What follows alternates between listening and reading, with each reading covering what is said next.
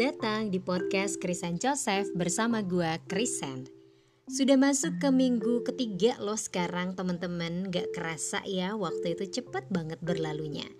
Dan ini adalah episode ke-15 30 hari bersuara Yang diadakan oleh thepodcasters.id Tema episode ke-15 ini adalah puasa.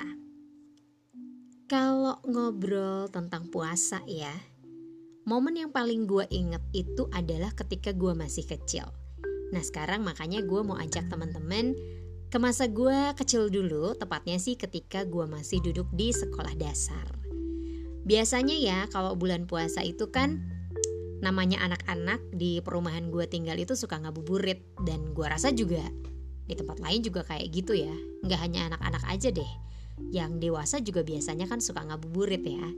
Nah, baru setelah menjelang maghrib atau menjelang berbuka, pada disuruh masuk nih ke rumah masing-masing. Jadi udah mulai dipanggil biasanya oleh para ibu. Kalau para bapak sih biasanya jarang manggil-manggil uh, pulang anaknya nih teman-teman. Kalau ibu-ibu mungkin gordes kali ya suaranya, menggelegar gitu. Nah akhirnya pada pulang lah anak-anak ke rumah masing-masing kecuali gua. Lah kok? Iya, gue ikutan pulang tapi pulangnya ke rumah teman gue sambil teriak bentaran ya ma? Mau pulang ke rumah Nita? Gitu. Nah sesampainya di rumah teman gue itu cuci kaki cuci tangan duduk manis di depan TV sambil nungguin azan maghrib.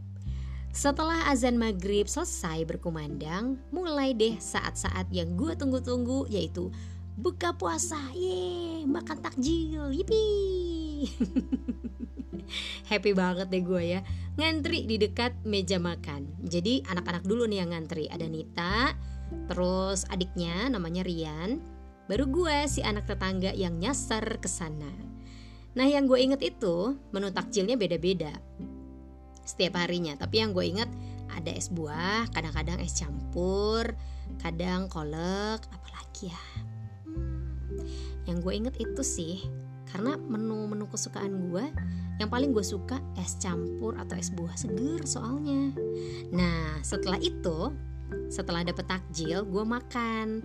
Makan bareng sama keluarga teman gue itu nih teman-teman. Setelah selesai biasanya mereka suka sholat maghrib uh, bareng dulu ya. Sementara gue nunggu di ruang tengah sambil nonton TV karena gue nggak ikut puasa nih teman-teman.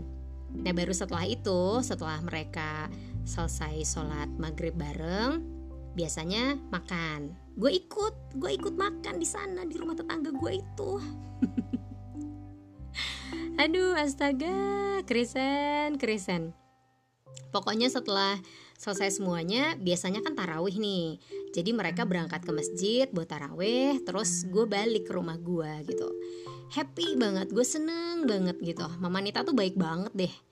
Karena hampir setiap bulan puasa hampir ya hampir setiap bulan puasa dan setiap hari hampir setiap hari maksud gue gue pulangnya ke rumah mereka kalau buka puasa. Dasar ya.